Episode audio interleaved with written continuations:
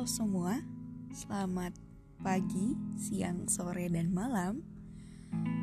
Sebelumnya, uh, perkenalkan nama aku Adinda Aurelia Salsabila atau akrab dipanggil Dinda atau Salsa. Bebas kalian mau mengenal aku sebagai Dinda atau Salsa. Di cerita Bumentar hari ini, uh, sebelumnya aku meminta maaf karena sudah cukup lama ternyata aku hiatus tidak uh, apa ya merilis episode pertama semenjak trailer yang aku keluarkan.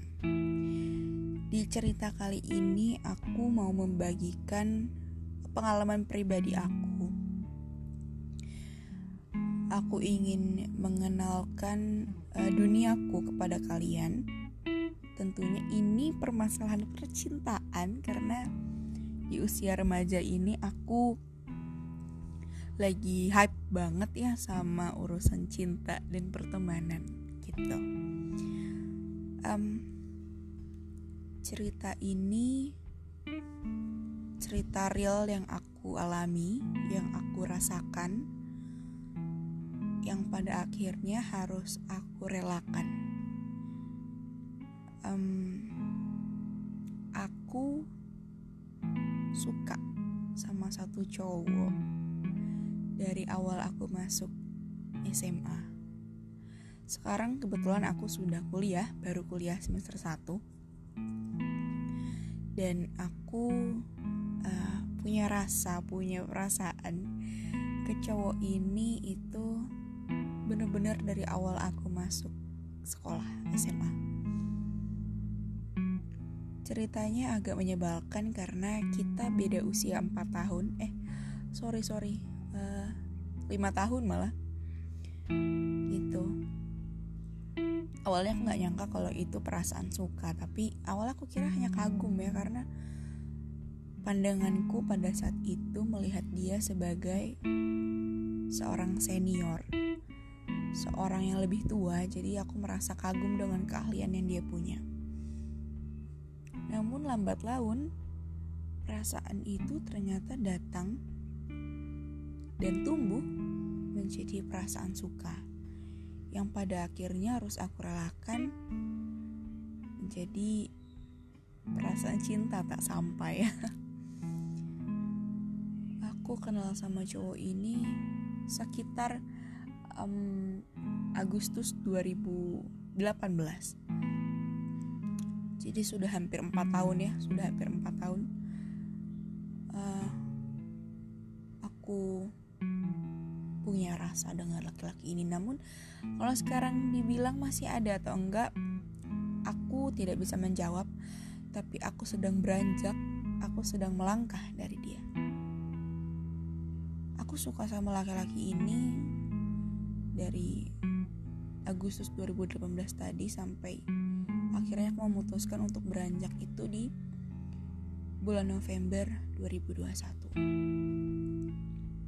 aku pernah confess ke dia aku pernah menyatakan perasaanku ke dia namun um, hasil yang ku terima tidak sesuai.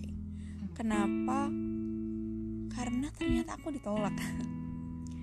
Iya dia nolak aku karena aku lebih memilih pada saat itu uh, pacaran sama sahabatnya. Sedih sih karena uh, gimana ya posisinya pada saat itu sahabatnya itu lebih lebih gercep dibanding dia gitu. Padahal aku udah ngasih kode ke dia aku udah udah berusaha menjadi lebih dekat ya sama dia. Tapi ternyata malah temennya yang yang menangkap sinyal tersebut gitu. Dari situ mungkin dia kesel ya sama aku sama sahabatnya juga. Jadi kita lost contact terus dia jadi tiba-tiba cuek sama aku. Cuman akhirnya kita baikan lagi karena aku ada problem sama sahabatnya aka pacar aku pada saat itu. Dan saat satu satu eh salah satu orang yang memahami betul uh, pacar aku pada saat itu cuma dia gitu. Jadi aku harus mau nggak mau ya harus mulai berbicara lagi sama dia. Dan ternyata eh, pembicaraan aku pada saat itu itu membuka gerbang yang bagus loh untuk hubungan komunikasi kita karena kita jadi bisa ngobrol banyak pada saat itu. Terus um, sampai pada titik permasalahan itu udah nggak bisa lagi aku tanganin udah nggak bisa lagi aku handle atau lebih tepatnya aku udah nggak bisa lagi ada di dalam hubungan itu. Akhirnya aku putus dan aku deket lagi sama si cowok ini sama si cowok yang pertama kali aku suka. Tapi ternyata hubungan kita juga tidak baik. Aku masih belum bisa menjadi sesuatu dalam tanda kutip di hidup dia. Karena ternyata dia menolak hal itu alasannya aku nggak tahu kenapa sampai sekarang. Aku nggak tahu apa alasannya tapi yang pasti kita nggak bisa sama-sama. Aku udah pernah confess dua kali ke dia dan hasil yang aku dapat dia malah per, di confess yang pertama malah bikin aku kesel. Karena pas aku confess ke dia dia malah bilang eh, dia manggil aku Dinda kebetulan. Dia bilang Dinda lo tau gak sih lo itu perempuan keempat yang udah menyatakan perasaannya ke gue. Dalam hati aku kayak oh my god ternyata saingan aku banyak ya. Ternyata saingan aku banyak ya gitu pada saat itu. Akhirnya aku mencoba untuk oke okay, nggak apa-apa lo nggak harus nggak harus uh, suka balik sama gue nggak apa-apa. Karena ini tanggung jawab gue gitu tanggung jawab gue karena gue yang suka sama lo bukan lo yang suka sama gue. Jadi that's okay nggak apa-apa.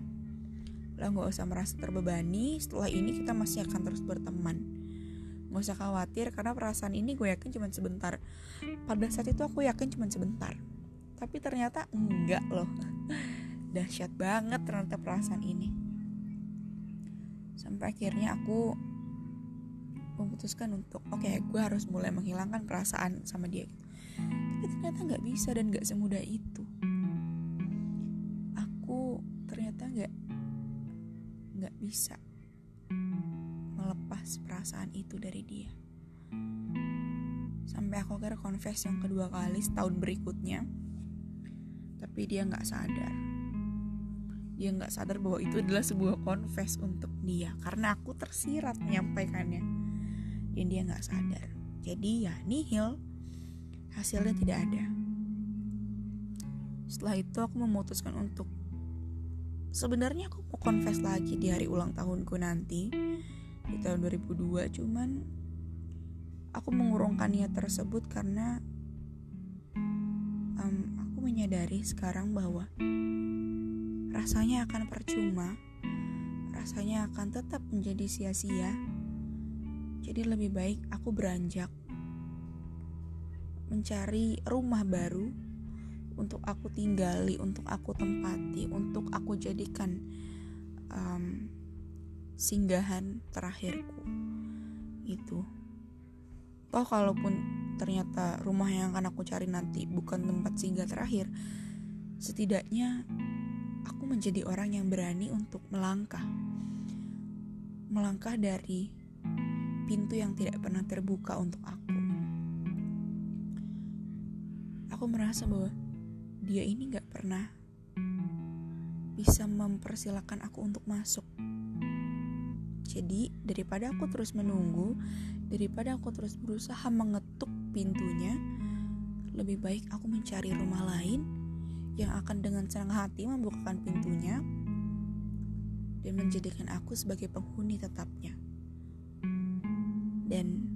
Ceritaku kali ini uh, memberikan inti bahwa bukan suatu kesia-siaan bagiku menunggunya, tetapi cukup dijadikan pelajaran. Karena karena karena dia karena dia yang tidak membukakan pintu karena dia yang tidak mempersilahkan aku masuk aku paham artinya menunggu. Aku paham artinya bersabar aku paham artinya tabah